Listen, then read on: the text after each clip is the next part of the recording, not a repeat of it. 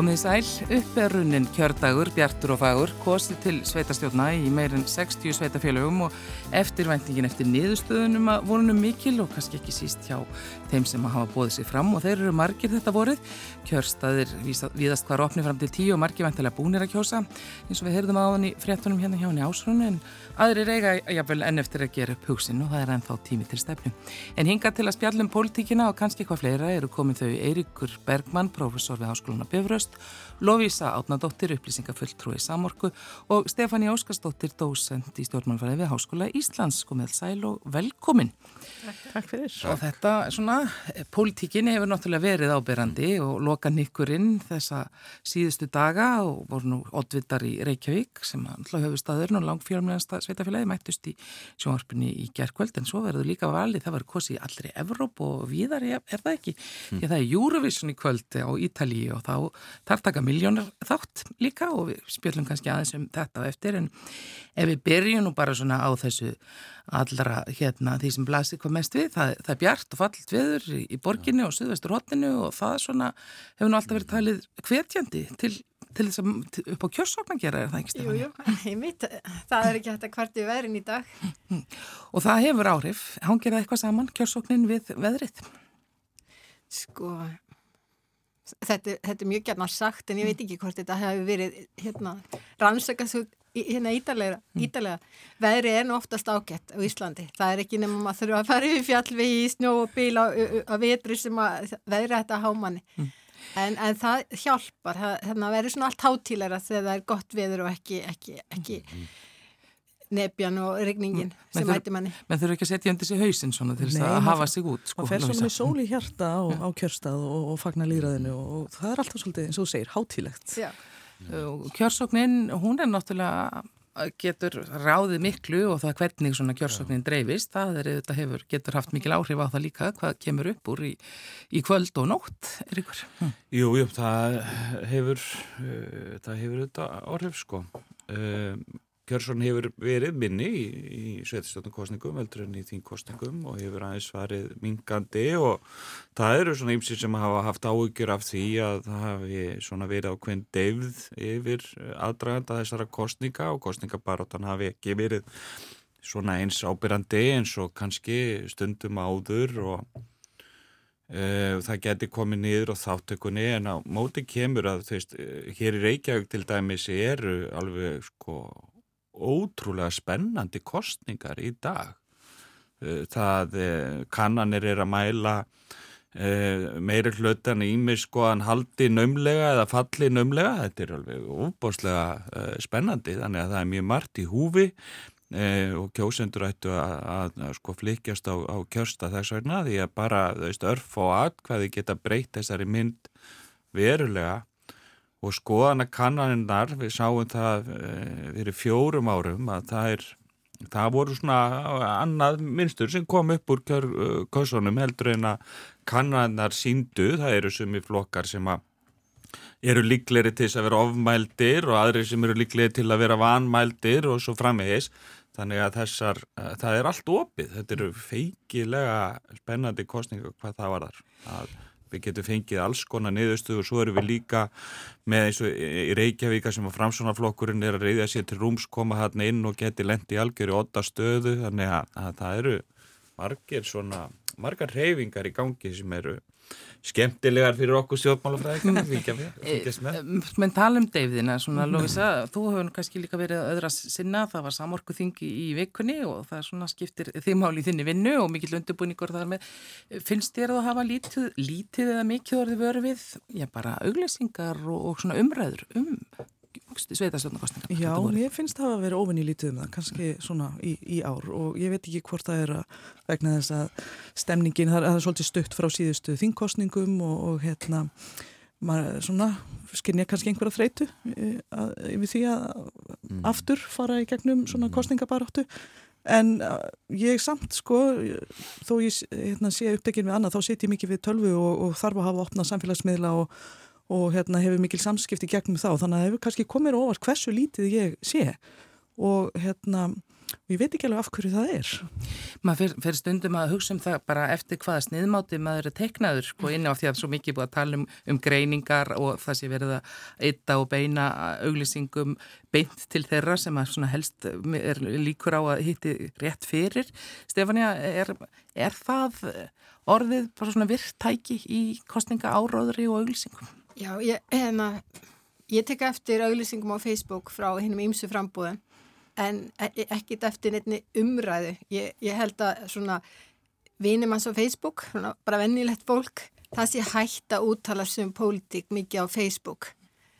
Allavega sé ég það ekki á, á mínu en, en, en ég sé þessar auglýsingar og ég hef verið að spurja í kringum með und fólk hvað það sé að sjá og það er misjæft, sem er ekki sjá neitt, engar auglýsingar ekki neitt. Und fólk er ekki svo mikið á Facebook, það er á Instagram og Snapchat. Þessi frambóð verða svolítið að sittja höfið bleiti til að finna út hvað þeir eiga að hitta kjósendurna. Hefbundi kostninga bara þetta í gamla dag hún snýrist um það að flokkarnir voru til dæla sterkir allir. Þeir hérna heldu flokksgrár og auðvitað halda eða enn en þeir reyndu að tryggja að þeir sem voru skráðir flokksmenn þeir myndu nú koma á kjörstað. Þannig að þeir voru í útringingum Ég held að það sé liðintíð að allavega ég ekki orðið verfið að ég þekki engar sem hefur fengið símtal frá stjórnmálaflokki byggðum að kjósa en það getur verið að syngu samtöl, ég hef bara ekki orðið verfið að og svo voru, þið viti, vaflukaff og blöður og merki og, og pennar og, og allt þetta sem skapaði svona einhverja stemmingu allavega meðal flagsfólks sem að síðan smitaði út, út frá sér.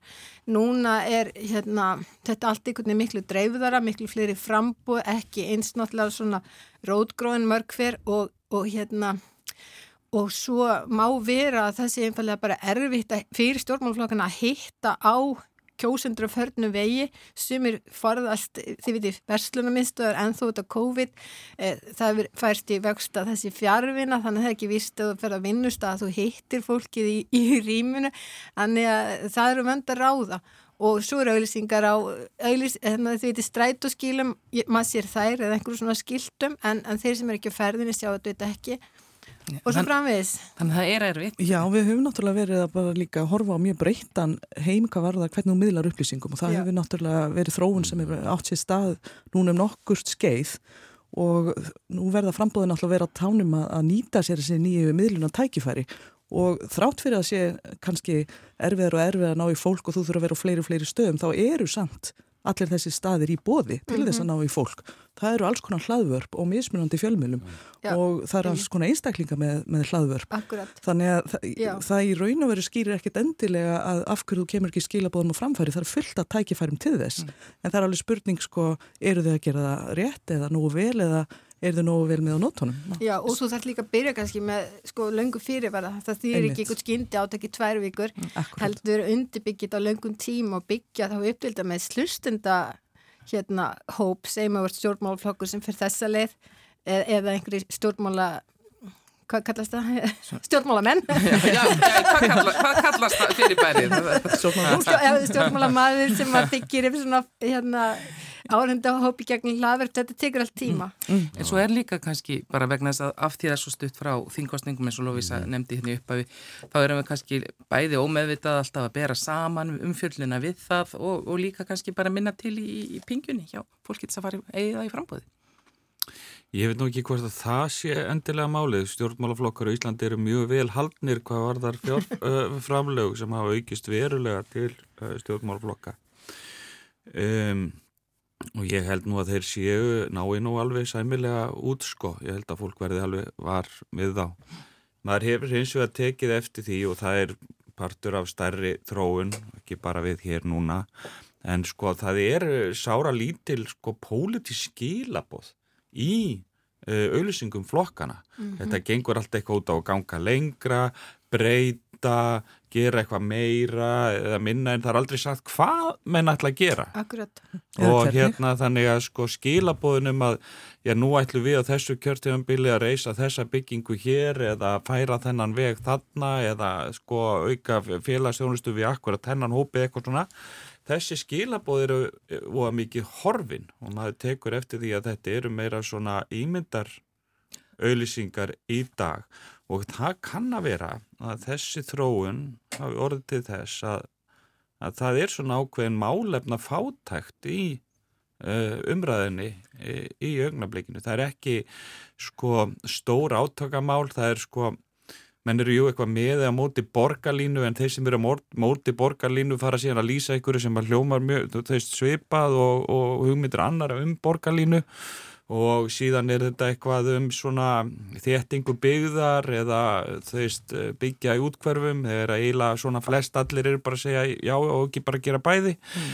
og hérna þannig að Það skortur og kostningalofur. Já og til dæmis er ekki mikil umræða um svona uh, þeist breytingar á út útsvari eða þess að þar þannig að þetta er ekki svona mikið svona fjárhæslegt mál kannski og það er bara verður að segjast þess og er að í þessum kostningum hefur ekki verið mikil svona uh, málefnaleg degla það bara verður ég, að segja Ég ætla að fá að taka undir Já. með þér vegna að ég kannski fulltrúi hins almenna stjórnmála neytenda hér í þessum hópi að, að það nákvæmlega þetta, það, það, það, er, það er allir með sömu málinn og dasgrá. Það er búið að taka pólitíkinu út úr stjórnmálun. En er, er þetta, haldið þetta sé algilt, nú er þetta, þetta eru sveitarstofnarkostningar og það snúast þetta um nærsamfélagið og við þetta, setjum, höfum hugan mjög mikið við borgina og það er fjallað um hana, það koma einhverja skoðanakannar um niðurstöðu þar og, og það er mann kannski helst líka auglýsa. Og við höfum kannski ekki bara alveg myndin af því hvernig það er úti í, út á landi viðar og svona þeirra auðvitað dregur. Akkurat, ég fór nú til Reykjanesbæri gær og kerið þar í gegn svona ganni mínu leiðin á kefleiku fljóðl að smá tíma og það var gaman að koma þangað. Ég, ég var strax vörfið að það veri kostningabarti gangi mm. þar. Hérna, ég mætti svona rútu, eh, já bíl sem var hérna, mertur einum, einum frambúðinu og svo sá ég vel auðlistar flokkskristur, þarna reyndar ég alveg hlið við hlið, sko frambóðin svona þjætt. Ég var verið við allavega fimm frambóð bara í þessum rúndi í gegnum bæin. Já, ég, ég er einmitt líka búin að svolítið með annan fótinn á Akureyri og var þar um helgina og, hérna, og tekundi með þessu sko, ég sá fulltrú allara frambóða bara í göngugötunni þarna á, á, á einum klukkutíma. En það er einmitt akkurat út að þetta eru sveitastjónakróksningar, það er verið að kjósa nær samfélagi, mm. þá eiga að vera enn meiri tækifæri til þess að niður njörfa hvað menn ætla sér að gera mm. og segja kjósundu það. En hvernig spilar það svona saman við það sem við höfum náttúrulega verið að, og við höfum kannski erum fyrst og fremst að tala um borgina en líka um tilninguna til þess að sveitafélagin, þau þurfa að vera starri, þau eru að takast á við stóru og erfið verkefni og það er verið að samina og úr verða kannski sveitafélag sem við fyrstu sínum eiga, eiga menn kannski ekkert mjög mikið sameilegt ef maður horfir svona enda á milli í þar. Eh, sko, þetta er nefnilega svo flókin eh, flókin mynd eða flókinn staða getur við sagt. Það að stýra samfélagi, hvort sem það er sko ríki eða sveitafélag um, það sem er við að eigða skattpinningum okkar í hinn og þessi verkefni sem er búið að ákveða að eigða í. Um, þetta er svona nýðunjörfa með lögum og reglugerðum, margt að þessu. Og um, svo til dæmis segjum bara þessi skólamálum sem hafa verið ótrúlega lítið í umræðinu finnst mér að því þetta er svo mikilvæg málaflokkur. Mm -hmm að þar er ekki bara borgarfylltrúar eða sveita stjórnarfylltrúar sem að hérna ráða ráðum heldur er þetta líka verður að eiga þetta samtal við sterk eh, settafélag kennar á skólastjórnenda og, og svo staðsamtal gerist sko óháð úrslitum kostninga í rauninni. Já, já, og svo náttúrulega dregin upp námskrá og stefna sem er mótuð í ráðunitinu líka. Já, mm. En mér finnst samt sem áður að þetta séu mál sem hafa kannski orðið aldrei út undan í þessari kostningabaratu. Ég hef ekki orðið mikið vörð við neina umræð en það má vera þessi vegna þess að það sé bara freka mikið sátt um, um, um, um, um grunnskóla stíð. Mm. Það má vera.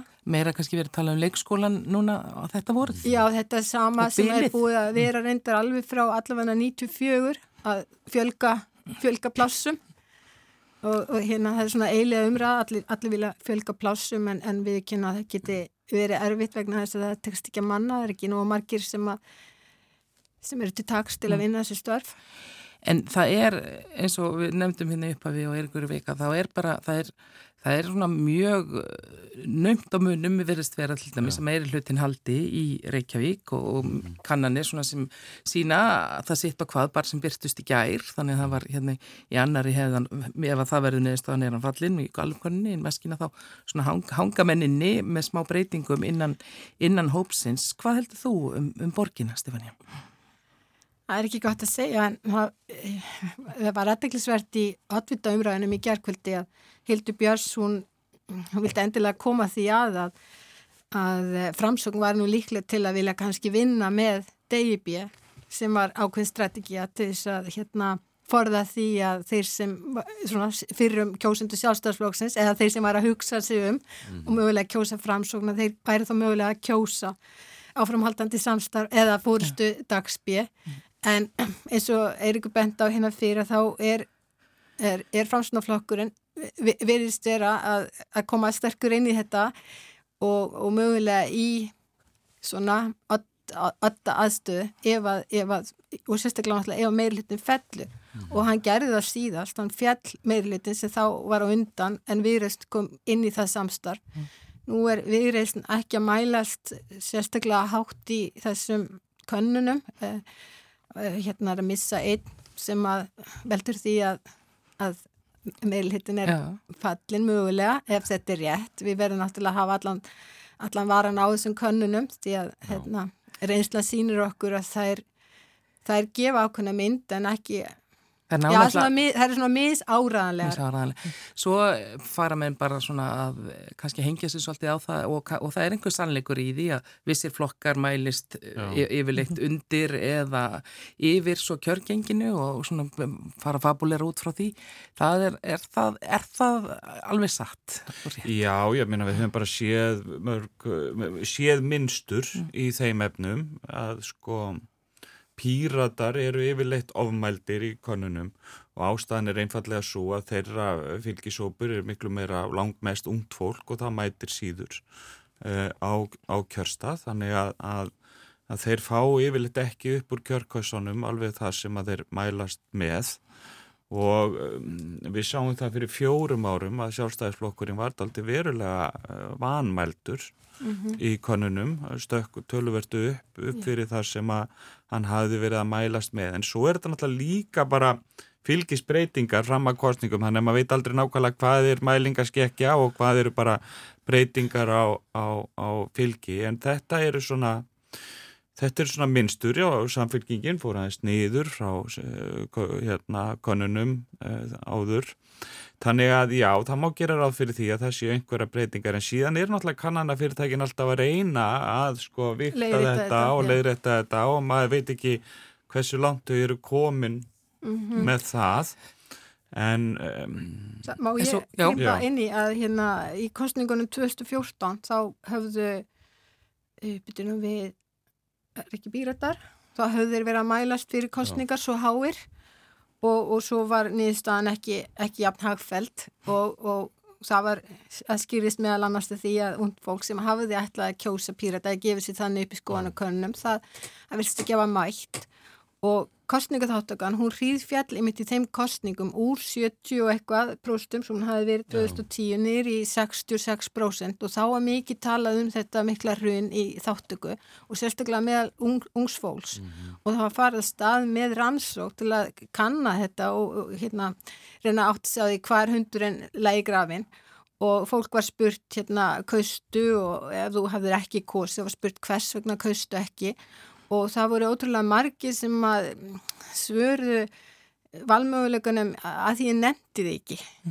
Sem að kannski er ekki endilega alveg lýsandi fyrir hversna fólk kom ekki en það var allavega þá í þeim kostningum vantað einhvern svona kvataði neista til þess að þú í rauninni sægir, sægir ástættis að fara að kjöstu og kjósa. Því kannski fannst þér svo lítill munur á frambóðunum eð, eða bara þetta væri ekki áriðandi mál. Já. og í hérna framaldi af þessu að þá var farið í gang með átak fyrir kostningana 2018 til þess að fá und fólk til að koma og kjósa. En það er sama hversu mörg átökin eru ef að sé, málefna munurinn er svo lítill og, og einhvern veginn það sem er undir í kostningu virðist vera léttvægt að, að þá er kannski fólk ekki ómaka sig að koma.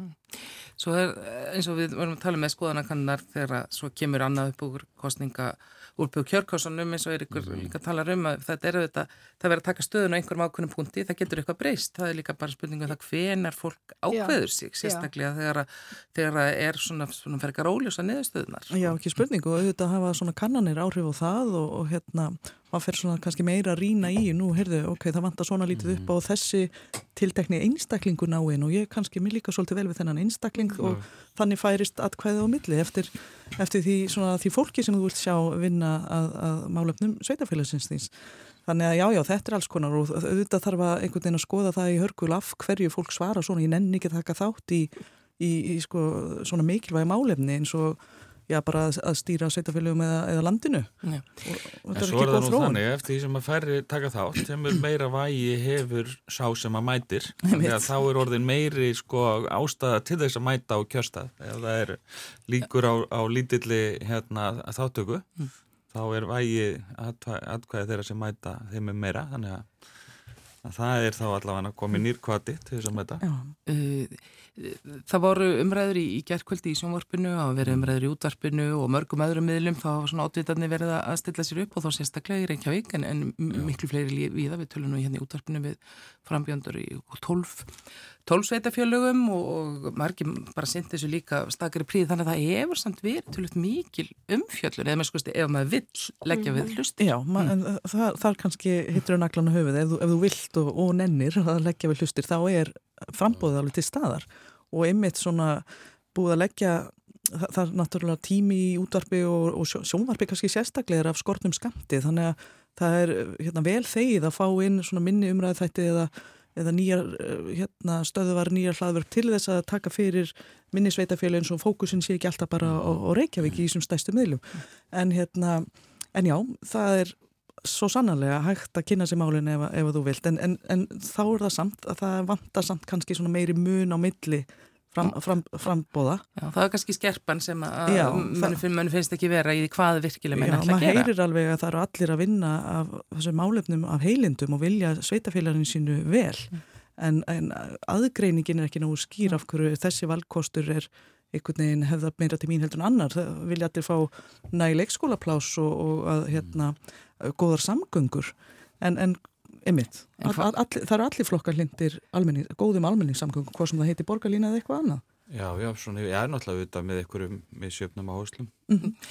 en, en þar er það kannski líka, sko verkefni sveitafélagana eru náttúrulega bara lögbundin að mörgu leiti, það fyrir skamtað fyrir í gegnum útsvarið og svo líka sko, í þessum eilífu samræði við ríkið um tilfærslu verkefna og hvort að fylgi penningur eða ekki, það var nú margir, mörgum sveitastjóðamennunum hefur ekki fundist alltaf að fylgja með eða þá að krafanum þjónustuna verði háværari þegar hún færist nær fólki.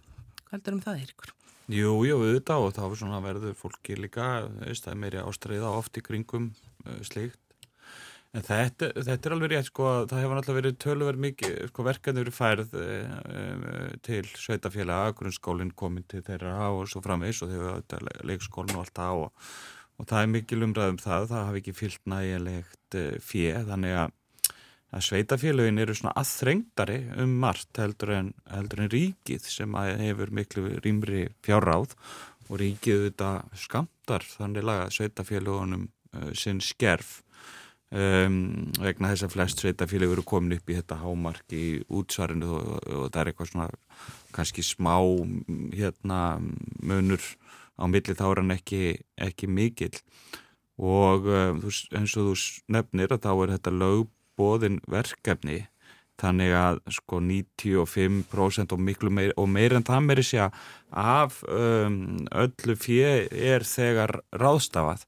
Þar sem að, að stjórnmálamenn er að takast að, sko, að, á um í, í, í kostningum er hvern, hvað er að gera við einhver örf á prósent af hérna öllu Eh, allir í kökunni sko, það er ekki margt sem, mikið sem þú getur fært til, þannig að skil, hver stjórnar veist, það ekki, hefur ekki mikil áhrif á svona megin uh, línutnar um það hvað sveitafélagið er að gera. Að, en það getur verið þessi akkurat einmitt þarna sem að að já, þar sem að, að sko einhverja breytingar geta orðið. Þú gerir það með einhverju litlum litlum parti af og, uh, og kannski einmitt sko dýristu verkefnin á, á hérna, borði sveitafélagi eru ofta ekkert í umræðinu eins og til dæmis fráveitumál og, og hittaveitumál, vassveitumál uppbyggingi þessum málaflokkum svo ég blandi nú inn í hérna, mínu starfi hjá Svo Samorku. má einmitt að móti sko segja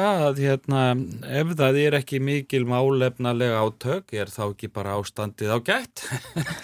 Og, já, hérna, já, eh, það er hægt að gagnálita þá sem svo að hérna meðan að, að menn er ekki að takast sko mjög ákaft á um einhver mála þá sé svona einhvers konar sátt.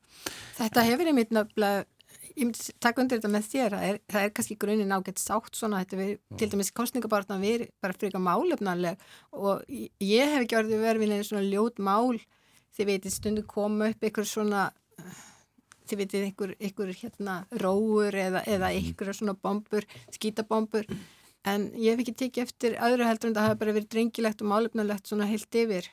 Já, það er nú alveg dæmi um svona rætin skilaboð og, og, og Jú, jú, það er satt, ég hef og bara ekki heyrtu, mynda ég hef bara heyrt af þeim. borgastjóras í Reykjavík já, sem að hefur nú já, sætt já, uh, uh, sko árásum. einmitt, Eh, akkurat. og en það er oft á kannski svona abla jarð, jæðri stjórnmálana um, og ég meina það var náttúrulega það má ekki gleyma því að það var skotára skerð á bíl borgastjóra á kjörtjámbilinu sko. Mm en, en það hefur einhvern veginn ekki verið mjög áberandi núna í umræðinu Nei, fyrir sko og, og er, við sáum það fyrir senustu þingkostningar og aftur núna að um, þessi sko skotgrafa hernaður á samfélagsmiðlun sem hafði verið í nokkur kostningum undan, hann var einhvern veginn á undanhaldi og minni aftur sem að er mjög áhugavert. Þegar við vorum farin að sjá svona svipa hluti og hafa verið í gangi í löndunum í kringum okkur þar sem að menn er að nota sér alls konar uh, leini afkima uh, Já, einhverju svona hópar sem ekki netsins- tengdir já, flokkunum já, sem já, að þannig að þá er með svona skærulega hópa sem er að grafa undan anstæðingunum Já, þetta einmitt. var orðið ábyrjandi hér 2016-17 en svo minka eða í, fyrir Mhm. senustu þingkostningar aftur sem er auðvitað mjög góð sviti og hefur ekki verið mjög ábyrjandi fyrir þessa kostningar en ekki alveg horfið samt. Klukkan er að verða hálf tól, þau siti hérna hjá mér, Eirikur Bergmann, Lofísa Átnadóttir og Stefani Óskarsdóttir og við erum að tala aðalega um pólitíkina og reynum svona að slíta okkur frá höfuborginni en ég leita nú alltaf sjálf þangað aftur. Uh, Það var, hefur verið fjölgað í borgarstjórn og margir tala um það að það sé ekki nokkur le- leið að finna mann sem getur talið upp 23 borgarfulltrúa til dæmis svona óbrenglað án þess að leita, leita slá upp og leita á netinu. Mm. Áherslan í þessum kostningum núna hefur verið eins og er svo sem alltaf en bara í auglýsingum og öðru slíku það er mjög mikið verið á aðtiklinn á oddvitunum. Heldur að það sé vegna þess að þeir eru orðin svo margir í borgarstöðum, Stefani? Nei, ég held að það hafi verið byrjað þó nokkuð fyrr svona, og þetta, þetta er þróun sem við sjáum við um heim og einsku kallast þetta presidentialization. Það er að segja svona mikil fókus á fórstumanni, til dæmis í þingkostningum í þingræðisríkjum, það sem er einmitt hópur á baku í fórstisráþurann ólíkt því sem að er til dæmis í, í, í bandarækjana það sem er bara fórsitin einn og, og hérna þetta, þetta er kannski þægilegt fyrir eða ég, ég, ég ger ráð fyrir því að auðlýsingastofur eða þeir, svona almanatengla sem eru í ráðgjöf þeir, þeir mæli með þessu að, að pakka svona einn fórstu manneskunni gef, gefa ákveðna glansmynd eh, en, eh, en eh, ég held samt að þetta sé ekki, ekki gott vegna þess að ef að fókusin er á líðræðið og, og ólíka rattir og, og hérna fjölbryttan hóp og svo framvegs þá verður einhvern veginn að koma því til skila þetta sé hópur sem að er í frambúð en ekki bara einstaklingur einhver glans, svona glansmynd í frambúði. Hvað finnst þér, Eirikur, hefur verið áherslan oddvitan hefur nú verið mjög mikil og þá líka Já. svona kannski sett á herðar þeim ábyrðin á niðurstöðinni líka? Jú, jú, þe- þessi þróun sem að Stefani er að lýsa er alveg, alveg rétt og er um margt varhugaverð eins og Stefani nefndi líka.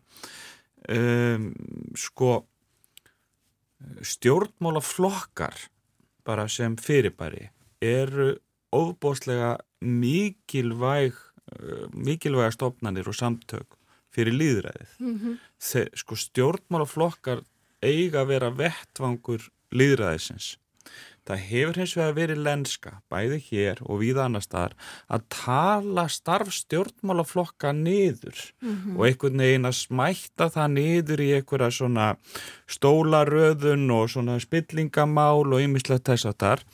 En flokkanir þurfa að vera sko uppbyldistofnanir fyrir stjórnmálamenn framtíðarinnar, þeir þurfa að vera vettvangur fyrir líðræðislega umræðu og uh, þeir þurfa að vera líka vettfangur fyrir líðræðislega ákvarðanatöku sem að síðan endur speiklast í stjórnmálunum sjálfum.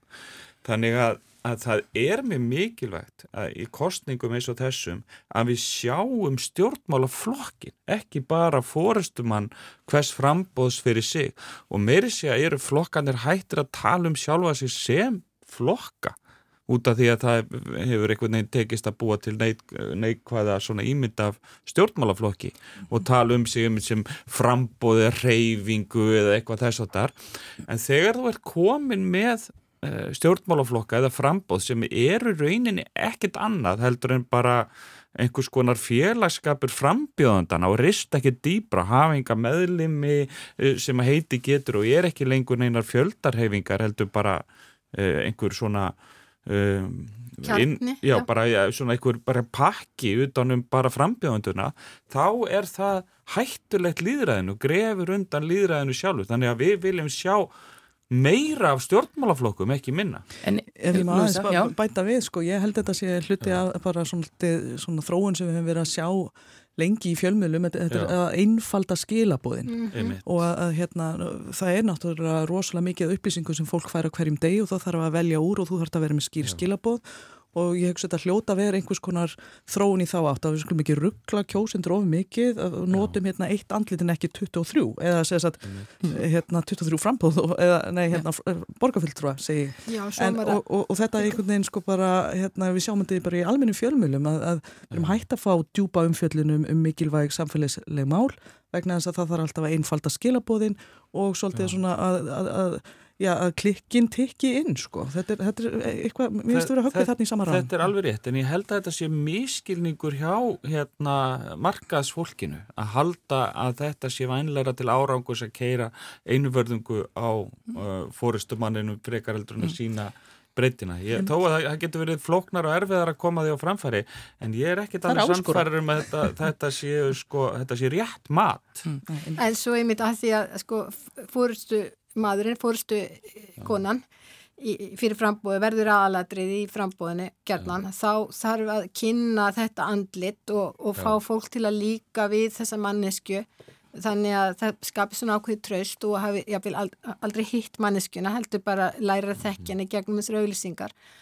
og, og og, og það er svona, það, svona söguna sem maður heyri þá að þessi fólki það er, er svona þegar verða búa til ímyndina eða kveikja einhver neista í brjóstum kjósenda er, er svona eh, ég, ég er vennileg manneski en ég er samt alveg, alveg, alveg mjög sérstök hérna og það er svona mikið erindi um, og maður fær einhver einsinn inn í persónulega hægi manneskunar, mann kannski bóðið inn í eldús, þar sem maður sé hvernig eldar mhm. kjókling eða þú ert búin að gera hérna eitthvað í gardinum sem er flott eða er, þú ert með, þú ert nýtt í stofinni þetta er aldrei mikið svona það, og, og, og, það, og í gegnum þetta þá finnst manni fyrir mann að finnast maður þekkja manneskjunni gegnum þessi svona brot úr engalífi fólks Svona, og tengi við það þannig að þetta verður, þetta verður svona præmal tilfinningatengsl við einhverja frambjöndur eða andlit. Já heldur betur en þetta tekur líka tíma og þegar þú ert með snarpa kostningabartu þá er náttúrulega langt fljótlegast að keira á andlitinu sem Já. fólk þekkir mm -hmm. af því það tekur tíma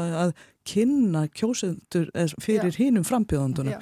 Þannig að þetta er langt fljótlegasta leiðin og svona skýrustu skilabóðin en, en ég er sammála samt að þetta er ekki æskilegt endilega. Og við þekkjum til dæmis hérna, Einar Þorstinsson sem leiði fram búið framsunarflagsis í, í, Reykjavík.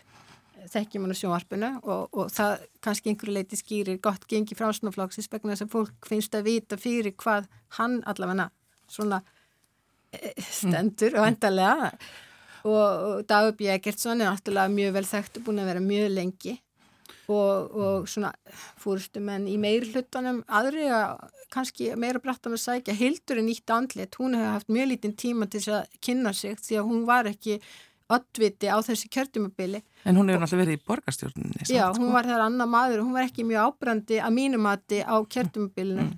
en, en, en, en sem sé. Mm. En hvað heldur þú Stefania um það sem að Eirikur var að tala um með flokksstofnanar eða flokksstarfið sem er orðið mm -hmm. miklu minna og við höfum nú reyndar sko séð til dæmis þó píratar séu búin að vera heil lengi mm -hmm. þá var nú bara maður sem hætti á þingi til þess að ebla innra starf flokksins. Helgir aftalað um það þegar hann hætti og það þyrti ennum leið þá hefur ofta verið talað niðrandi um flokksmaskinnar mm. -hmm. það eru taldar neikvæðar það sé verið að virka eitthvað fólk kalla fólk til og smölun til dæmis að það að smala atkvæðum. Það, það er frekar neikvæðu frasin í raun og veru, ætti það kannski bara verið að frekar jákvæði það er það spurningum það að fá fólk á kjörsta Það var, það var akkurat þannig. Mm. Og við vorum með flokkar sem að við, við stjórnmálafræðinni kallum fjöldaflokka. Þar að segja að fólk gengur í flokka greiði félagskjald, það mætur á fundi og það skiplikur sig, það kemur saman til þess að ákvæða stefnuna og velja frambjöndur og síðan að vinna í kostningabartunni, vinna við að fá aðra til fylgis, fylgis við, við flokkin, allavega að tryggja svona stuðnismenn skilir sér á, á kjörstað. Og þetta var um svona eh, viða, við, viða vestilöndum en það byrjaði þróun fyrir þó nokkur síðan bara í mitt á vestilöndum í þá átt að, að eh, flokkarnir svona margir hverjir hafa orðið fámennar og fámennar og það eru aðra leiðir fyrir fólk til að hafa áhrif í stjórnmálunum. Eh, þú þarf ekki að fara í gegnum flokkana til að segja skoðina, sérstaklega alveg á síðustu árum þar sem mm. það er nóg að fara á Facebook eða Twitter eða, eða eitthvað slíkt og það eru aðra leiðir til þess að við ekki aðdegli þeirra sem veljin og listana þannig að maður komist til dæmis í frambóð, maður þarf ekki að hafa verið að vinna innan flokksins mm. í mhm. mörg ár til þess að eiga möguleika að komast í frambóð og, og það finnst þinn svolítið mikið í röðum stjórnmálaflokka á Vesturlandum við talaðum og þeir hafa hérna, sem er hverjir orði og það er reynilega til flokkar ég er ekki að segja, þeir eru ekki hér en, en það eru til flokkar sem eru stopnar reynilega bara af businessmannum í rauninni utanum sjálfa sig til þess að og bara þú ert með auðlýsingar fyrirtæki og markarsrannsóknir til þess að markarsittja þig til þess að síðan bjóða fram og ná völdum. Þetta er ekki sko eitthvað hugsun og starf fjöldans heldur, heldur áttak einstaklingar sem að vilja komast í valda svona flokkar sjást víða en, en við nú kannski ekki alveg þarna. Nei. En er, er eh, eftir sjá í flokkstarfinu og er, er, er það eitthvað sem mun koma aftur? Sko, ég auðvitað, það, það hlýtur um eiginlega að vera þannig að það er, þú veist, að virkni í, í, í flokkum, ég ætla nú að vona það, mm. sko, en þetta er svo mörg frambóð, sum, sum að þessu frambóðu náttúrulega eru bara svona, þið veitir, fyrir nokkra vikur svo er þau bara horfinn en, eh, en það er hérna, mm -hmm. þeir sem að gefa sig í stjórnmálastarf, þeir hafa mjög gaman að því þeir mm. eignast vini, þeir, hérna, þeir tengja mjög mikið við, við þetta en, en þú þart sem stjórnmálaflokku líka passa upp á að, að þú þú sérst alltaf með nýja og nýja sem koma inn til fylgis við flokkin þú þartum þetta sjálfa upp til þess ungd fólk og, og, og tryggja stuðning ungsfólks og miðaldra og eldri borgara mm. það, það eru 11 eh, listar í bóði í borginni, það eru flest frambóðin, þau voru 16 mm. fyrir fjórum árum og það er einu það eru frambóð sem komið komi bara einu sinni og, og eru horfin og, og það eru er auðvitað núna líka frambóð sem hafa orðið til kannski meirum eh, í kringum eitt málefni og menn vilja bara koma, koma sér að svo sitjum við heima og segja mm. þú veist, þurfum við alltaf að tala við alla þarf að, þarf að leipa öllum að hvað finnst þér Lóisa með það? Já, er það ekki hluti á líraðinu og hérna, sem fyrir um hérna, starfsmæður við kostningasjón þá mann ég alltaf eftir þessar umræð þetta er, þetta er flókið að koma svona mörgum að þegar mm. tímin er á skortum skamti en ef við ætlum að fara að hafna öllum sem er í frambóðu og hafa eitthvað að segja og, og hérna, þá, þá eru við komin á svolítið vondan stað held ég. Þannig við verðum bara að halda okkur við það eru settir þessi þráskuldar meðmælendur og, og annað slíkt og hérna það verður bara döða. Já, ég myndi segja það, það því að hérna, það er líka ekki gott líðræði að, að, að skamta upplýsingarna til kjósenda, það eru hérna þessi fjölbreyttu möguleikar í bóði og kjósundur eiga rétt á því að, að fá upplýsingar um, um hvert og eitt. Mm. Já og sko þessi nýju frambóð sem að spretta upp, þau getur verið með einhverja góðar hugmyndir sem eru síðan sko, komast inn í umröðan að verða veruleika á öðrum vettvangi, öðrum flokki.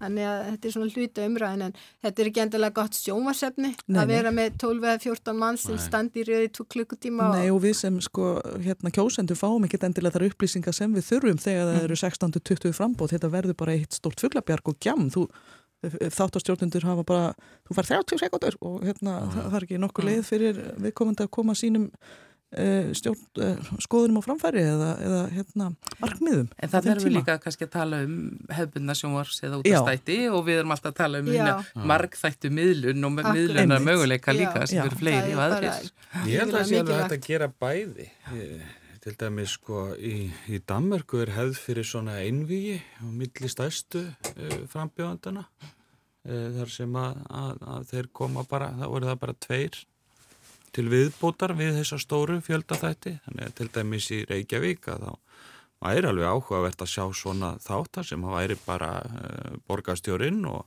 og síðan sko uh, hérna oddviti sjálfstæðisflokksins sem að kemur saman því að þetta eru svona stóru törnarnir og það er ekkert óeðlegt við það.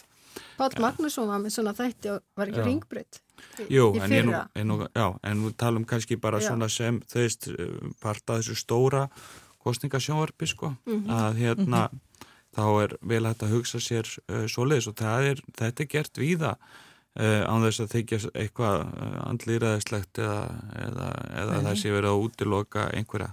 Það er að segja, ef þetta er bara vita fyrirfram hvernig það er þá valið inn í það og, og, og svoleiðis sko.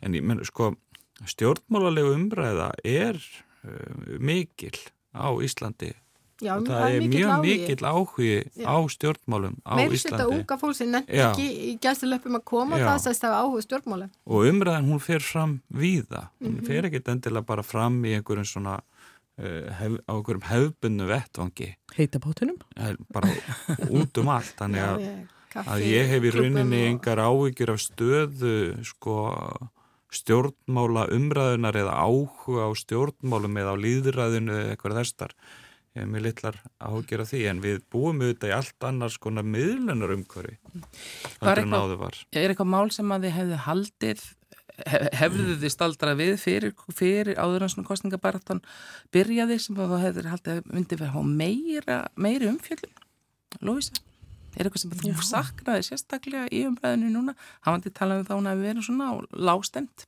Nei, ég hef bara saknað svona meiri svona aðgerða tals bara, hérna hvernig þú ætlar að, Mhm. að hérna bjóða þetta á hitt sko svolítið, svolítið svona nákvæmara Já í, í og ég minna það, það er oft bara heilt yfir svo sem í, í hérna öllum svona kostningu vegna þess að þetta gerist það svo í samstarfinu eftir og það er búin til einhvers konar sáttmáli og, og hérna aðgerða áallin en, en, en, svona fyrir mig sem kjósanda væri oft gott að vita fyrirfram svona einhverja hugmyndum hvernig þú ætlar að, að fjármagna þessi lofvorð til dæmis. Já, framhalskóla nemi sonu minn, Mm. fekk sendan bækling í gær frá stjórnmálflokki, þannig ein, eini bæklingur sem ég hef svona séð hérna sendan og hann var mjög á almennu nótunum og hann- sagði eftir á því spuru hvernig hann líkaði eitthvað sem hann hefði lesið þá sagði hann ymmið það sem var þetta að segja saknaði þess að vita hvernig ætti að gera þetta sem maður er verið að tala um Svo auðvelt að lofa almennt? fallegu sko. að og fyrir einhverjum erfáum áru síðan þá var hann í grunnskóla og eitt af verkefnunum þar í samfélagsfræðinni var að búa til frambóð og, og hérna búa til stefnu og, og kynna frambóðið og ég held að krítikinn sem að þau hafi ábyggilega fengið krakkarna sem voru æfa sig í þessu var einmitt, víst, hvernig ætlar að gera þetta og vera svolítið svona e, nákvæm, en samt auðvitað verður maður að vera það ónákvæmur að, það, að maður er enn möguleika á samstarfi við aðra flokka. Þetta er fín lína. Er fín. var eitthvað mál sem að þú hefur haldið svona fyrir tveimum mánuðum að eru þið stærra í hérna sveitastundakostikunni núna í vor? Yes, það, maður getur svarað þessari spurningum í sem hætti svo sem sko. Um, ég hefði haldið til dæmis að þessi átök sem að eru um almenningssöng ekki bara almenningssamgöngunar heldur bara samgöngukerfið í heildsinni á höfuborgarsvæðinu að það myndu vera alltaf svona skýrari línur með það og að flokkanir myndu sko útlista uh, hvernig þeir sæju fyrir sér þá þróun. Ég hefði líka haldið að sko kannski svona heitasta málið sem hafi verið uh, hérna á höfuborgarsvæðinu uh, er uh, húsnæðismál þar sem að hefur verið veruleg hækkun á húsnæðisverði og ég bara, veist, þetta er mál sem snerti mig að því leitinu til að, að dótti mín og fjölskylda hennar voru, er að koma sér upp hérna þakki yfir höfuð og mér fannst sko verðlægið á því sem að, að þeim stóð til bóða svo yfirgengilegt að það bara náði ekki nokkru tali sko mm. þannig að ég hefði og, og þetta er allt búið að vera til umræðu en og en þetta einhvern veginn fellur nýður í einhver, eitthvað rifrildum sko hvort að ég þetta byggða á einhverju tildegnu reyt eða byggja frekar á einhverjum öðrum reyt eða eitthvað slíkt þegar að maður hefði kannski haldið að flokkandi myndu bara stilla upp áallun sinni. Ég man eftir því fyrir ekkert svo laungu síðan þá kom sjálfstæðisflokkurinn fram með mjög stóra áallun um uh, uppbyggingu út um allt sem sagt eins og til dæmis hérna í vestari hlutunum minn og mm, njörð fyrir seg ja. og eitthvað svona og það var svona helstaðu pakki sem var svona settu fram ok, við ætlum að gera þetta svona svona svona og það er einhver hugmyndafræði í því tengist við hérna, um, samgöngunar og húsnæðisuppbyggingunum svo framvegis.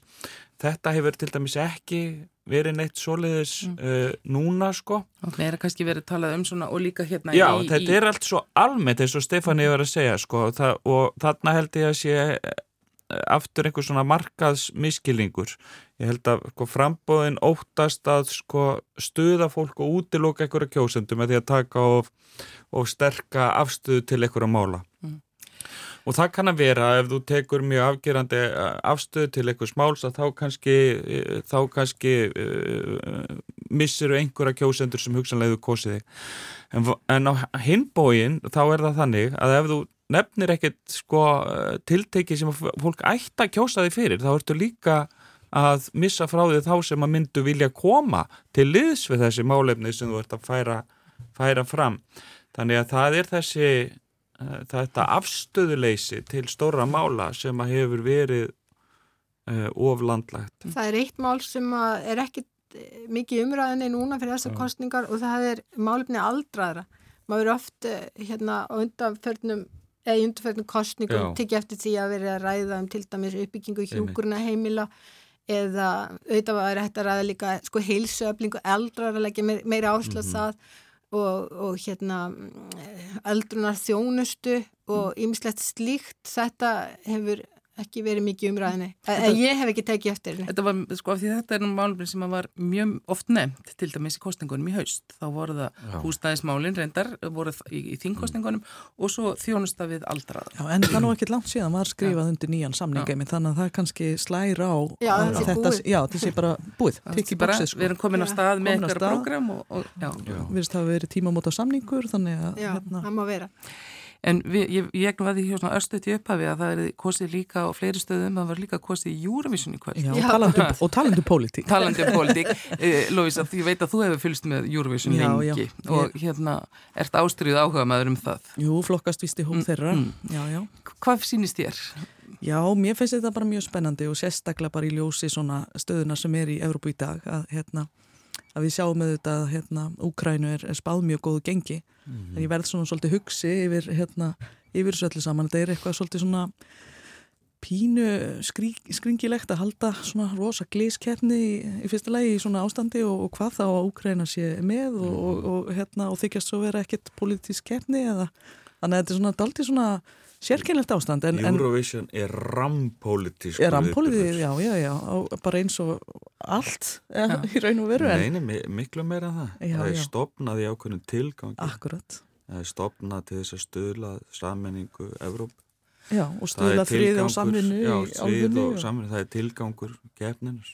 Svo sjá, telja mennsi nú oft sjá í, í stígagjöfinni að þar svona sjá, sjást hvar svona strengirnir og samstæðan liggur Já, já, já ekki spurning. Það er, það er mjög svona áhugaverð svona áhugaverði geopolítiskir vinklar á Eurovision sem að eru hérna uh, virkilega áhugaverðir að velta fyrir sér og bara svona strategía og, og bandalög og, og, og líka bara hugmyndaheimur og menningamunur og allt þetta. Og það er það sem gerir það það sem gerir þetta, gerir þetta skemmtilegt sko. en það hafa verið skrifað sko heilu lokarittgerirnar í stjórnmánafræði um Júruvísjón og ég menna kostningarnar sem hefur alltaf verið aldrei umdeildar og svona.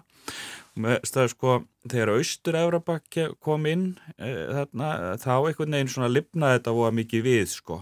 Þetta var aldrei svona kannski orðið aldrei þreytt þarna í aðdraganda þess.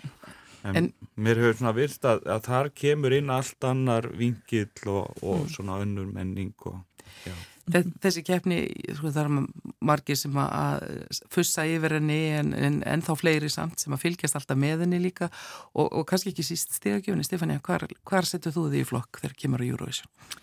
Jú, ég hef nú held ég alltaf að horta á þetta, eða svona oftast nær, ég mann þó einu sinni, það var Eurovision kvöld hérna fyrir langa löngu, þá notaði tækifærið að fara nýri bæ og bar það sem var mjög eftirsótt að fara mm. og maður var eiginlega valin inn kaffibarn eða hvaða ég hérna, fyrir ykkurum næstu 30 áru það var náttúrulega ekki, ekki kjaftur og stanu sem maður komst inn en ég, jájú, já, ég fylgis með þess en ég lifi mig ekkit inn í þetta sko. mm. en ég tengi eh, kannski við einhver lög en það er ofta ekkit lögin sem að vinna en eitt slíkt sko mm. Þannig að ég er alveg út að akka í Eurovision. Mm. Ég er það svo sem líka, ég er nú ekki að horfa á þessi lögum til að sko Nefna bara ef, ef að krakkarnir eru að horfa á þetta þá... þá já, já, ég horfði þó að báða, báðar núna undakefninar og hlusta á öll lögin. Og mér líka ágilla Þetta er nefnilega stæsti minnskilungu fyrst mér ótt við þessa keppni að fólk heldur að maður sé að horfa út á lögunum út á tónlistin eitthvað sérstaklega. En, en þetta er svo miklu meir en það og, og svona flóki samspil margra þátt á hérna, vinnu minn kom svo orðið, þetta er, er HM í sjónvarpi Mm. Þetta, er, þetta er í raun og veru próduksjónin sem er, hérna, skilar þið sigrinum með góðu atrið. Ótrúlega áhugavert hvað mm. áhugin á þessari keppni er misjafn eftir uh, þáttöku Londonum þú veist, í mjög mörgu löndum, jafnvel kannski meira hluta landana, þá er þetta ekkit sérstætt atrið, þetta er ekkit eitthvað sem hún verður var við, til dæmis ef maður er í einhverjum, þú veist, löndum ef maður er í, í, í hérna, Englandi, Nei, skilur, þegar Eurovision er þá bara tekur ekkit eftir því. En svo eru önnu lönd sem að þá er, þá er bara allt undir lagt, eins og Norðurlöndin og mörglöndi í Austur-Európu þar sem að Eurovision er svona e, stórt mál sko. En þannig að það er líka áhugavert hvað það er mismann En við notum líka bara tækifæri til að koma saman vinir að fjölskyldur yfir þessu. einmitt. Þannig að þetta er svona eitthvað sem samin af fólk sko, sumir hafa mjög mikið áhuga þá í því bóði en aðri kannski minni en það er allir gladir að vera saman. En Lófís, þú nefnir það að þetta sé sko sjónvarps svona pródúksjón og framleiðsla og, og maður hefur mitt stundum veldi fyrir sér þegar maður horfir á aðriðin í sjónvarpinu og þannig er samt fullt af fólki sem kemur og er í salnum og sér kannski ekki helmingin af effektornum eða því sem er verið að gera. Nei, en það er miklu skemmtilega í raunveru að horfa á hann í sjónvarpinu heldur en í salnum að því að þú sér bara kamerumenn og hlaupum og, og tónlistin genið svona í takt að því að, að, því að sko, það sem hljóðið sem að keppundu fá í eirað er ekki það sama og fer út í sal. Þannig að þetta, þetta er rosa svona skrítið að vera í salum að því það, er, það ferðast náttúrulega ekki eins og ég har pratt og, og hérna og myndin, já, þannig að já. það þarf að stilla þetta allt saman, þetta er allt mjög teknilega flókið og já, þarna kemur áhugi minn sko sterkastur inn sko á svona þessum, okay. þessum hlutum sko. En, en mæla alveg með bara að horfa í sjónarfunni, það, það er langt skemmtilegast. En svona gengi Íslendinga sem er náttúrulega það sem skiptir alltaf mest máli þó í þessu og það voru nú ekkit allir alltaf björnstínir fyrir hönd þeirra sístra Nei, ég reynda mér koma óvart að hérna heyra að það veri mikil svartsýni varðandi undarriðil ég, ég var alltaf á vagninum að þetta myndi uh, skila sér upp í aðalkeppnin og það er út af þessu sjómanselementi og þetta var kannski ekki sterkasta útáslægiða stúdjólag mm -hmm. en það, það myndust einhver taurar á mm. sviðinu og yeah. tókst mjög vel að útfæra lægi þannig að það verði einhver svona hlýja fólk mann eftir því og svona tengi við það og, og, og ég held að þeim hafi tekist það mjög vel mm -hmm. og ég held að þeim er alveg eftir að takast það aftur en, en það er mjög erfitt að fá mörg, mörg steg Þannig ég held að við getum verið mjög ánað með allt frá sko tíundasæti og, og, og, og sextánda, það væri bara frábært. Mm. Þú heldur að úsliti sé alveg ráðinn samt? Ég, sko, við höfum aldrei séð svona sigulíkur í vinnings eh, eins og Úkrænu spá, þannig 57% líkur, mm. en ég held samt ef ég var bara vera djörf, ég held að vera í öðru sæti og sjáum eitthvað annað sér í kvöld en, en svo er líka þetta um, um, um vægi þeirra sem að kjósa sko þeirra sem ringja inn atkvæði og svo mm -hmm. domnefndana og, mm -hmm. og svona þið, þið svona líðræðis spekulantarnir hvað finnst ykkur um það? Svona sérfræðinga ræði í, í þessu Þetta er náttúrulega ekki mjög líðræðislegt að vera með þess að domnefndana Hvað finnst þið Stefani? Þetta eru örfári einstaklingar sem vega 50% á móti Jú, ég get tekið undir það en ég hef ekki mikla skoðun á þessu samt sko En ég hef samt skoðun á hvernig þetta lítur út, svona almennt, eins og þú ert að tala um, Lófisa, að, sko, að, og að því í stjórnmálunum, þá skiptir ímynd og, og svona hvernig hlutinni líta út mjög miklu máli. Eða því, bara í mannlegu samskiptum sko til dæmis að sjá auga fólki það skiptir máli og, og svona. Ég held að atrið sem eru mjög dökk og það voru, aldrei, það voru nokkur atrið sem voru þannig, það var alveg svartu bakgrunnur keppundunir flytjendunir algjörlega svona svarklættir og, og svona mm. svolítið erfitt tengja við þessari svertu en okkar konur þær voru, það var svona daldi dökkur bakgrunnur þó ekki en þær voru í svona fallum li, li, lita fatnaði og, og þar kemur sér hlýja sem þú varst að tala um kom fram þetta, og svo þetta, íslenskan, ég held að hún hafi líka virkað svolítið. Þetta kallar á svona líka mjög þetta kallar líka á svona mjög virk áhorf, maður þarf að hafa skoðanir á öllum atriðanum sem koma fram er það ekki? Jú, jú. Heima í stofu sko. Jú, heldur betur. Ha. Og svo gerist þetta bara á kvöldunum sjálfu, það er, það, það, þar gerast haugarnir af eða á, ef þú, ef þú skilar ekki þínu á þessum þremi mínútum akkurat þetta lögatiskvöld mm þá, þá er ekkert En mest ógleimalega Eurovision upplöfu mín var þegar hérna Abba vann með Votilú það segir svolítið um hvað ég gömur Það segir sitt um það hvernig þú varst að horfa á þetta og, og svona hvernig minn. Ég er alltaf búin að horfa lengi. já, já, já. En, en, en svo er það líka samt af því að svo oft það tala um þetta sé allt svona sami grautur í sami skáli eða kannski tveimur. Oftast er nú samt alltaf einhver sem skera sig frá og svo verður þetta valmilli tvekja, mögulega þryggja laga. Og það er stundum alveg ótrúlegt hvernig það gerist. Það er nefnilega ótrúlegt hvernig það gerist. Og það er bara ótrúlegt að, að, að, að við saminust um í raun og veru um þennan seguvera því það, það, eins og þú segir, það kemur oft í ljós svona, það eru hverju tvei, þrýr, fjóri sem að fara svona að síga fram úr hinnum mm -hmm. og, og, og það er margt sem að veldur því, það er einhvers konar bara ótrúlega, hvernig við erum ótrúlega tekist vel að pakka atriðinu saman inn í einhvern pakka og mér finnst þetta alveg svona skemmtileg keppni. En er það þannig að Úgrænu er spáið bara al, bara al, hérna alfarið sigri. Já, ég, ég hugsa að þú símakostningin hefur það rosalega stórt vægi Já, en, en, en það er náttúrulega getur verið eitthvað munur á milli hérna þessara domnemdar Já, og... og þess vegna er ég svona svolítið að setja það í annarsæti að hann er kannski, þetta er ekki ja. sterkasti flutningur En sko, ég held að, að sko, þetta er að annað kemur pólitíkin inn, það er áhugavert að það, ég held að það sé alveg ná, nákvæmlega sama hvaða lag þau hefðu sendt inn, sko, niðurstaðan hefur orðið svo sama En það er spennandi kvöld og dagur í vændum að mista kosti bæði í kjörda dagur, kostningar, úslitin í kvöld og svo Eurovision. Ég þakka ykkur kjærlega fyrir komuna í vikulokkin. Eirgu Bergmann, Lovisa Átnadóttir og Stefania Óskarsdóttir veriði sæl. Mm -hmm.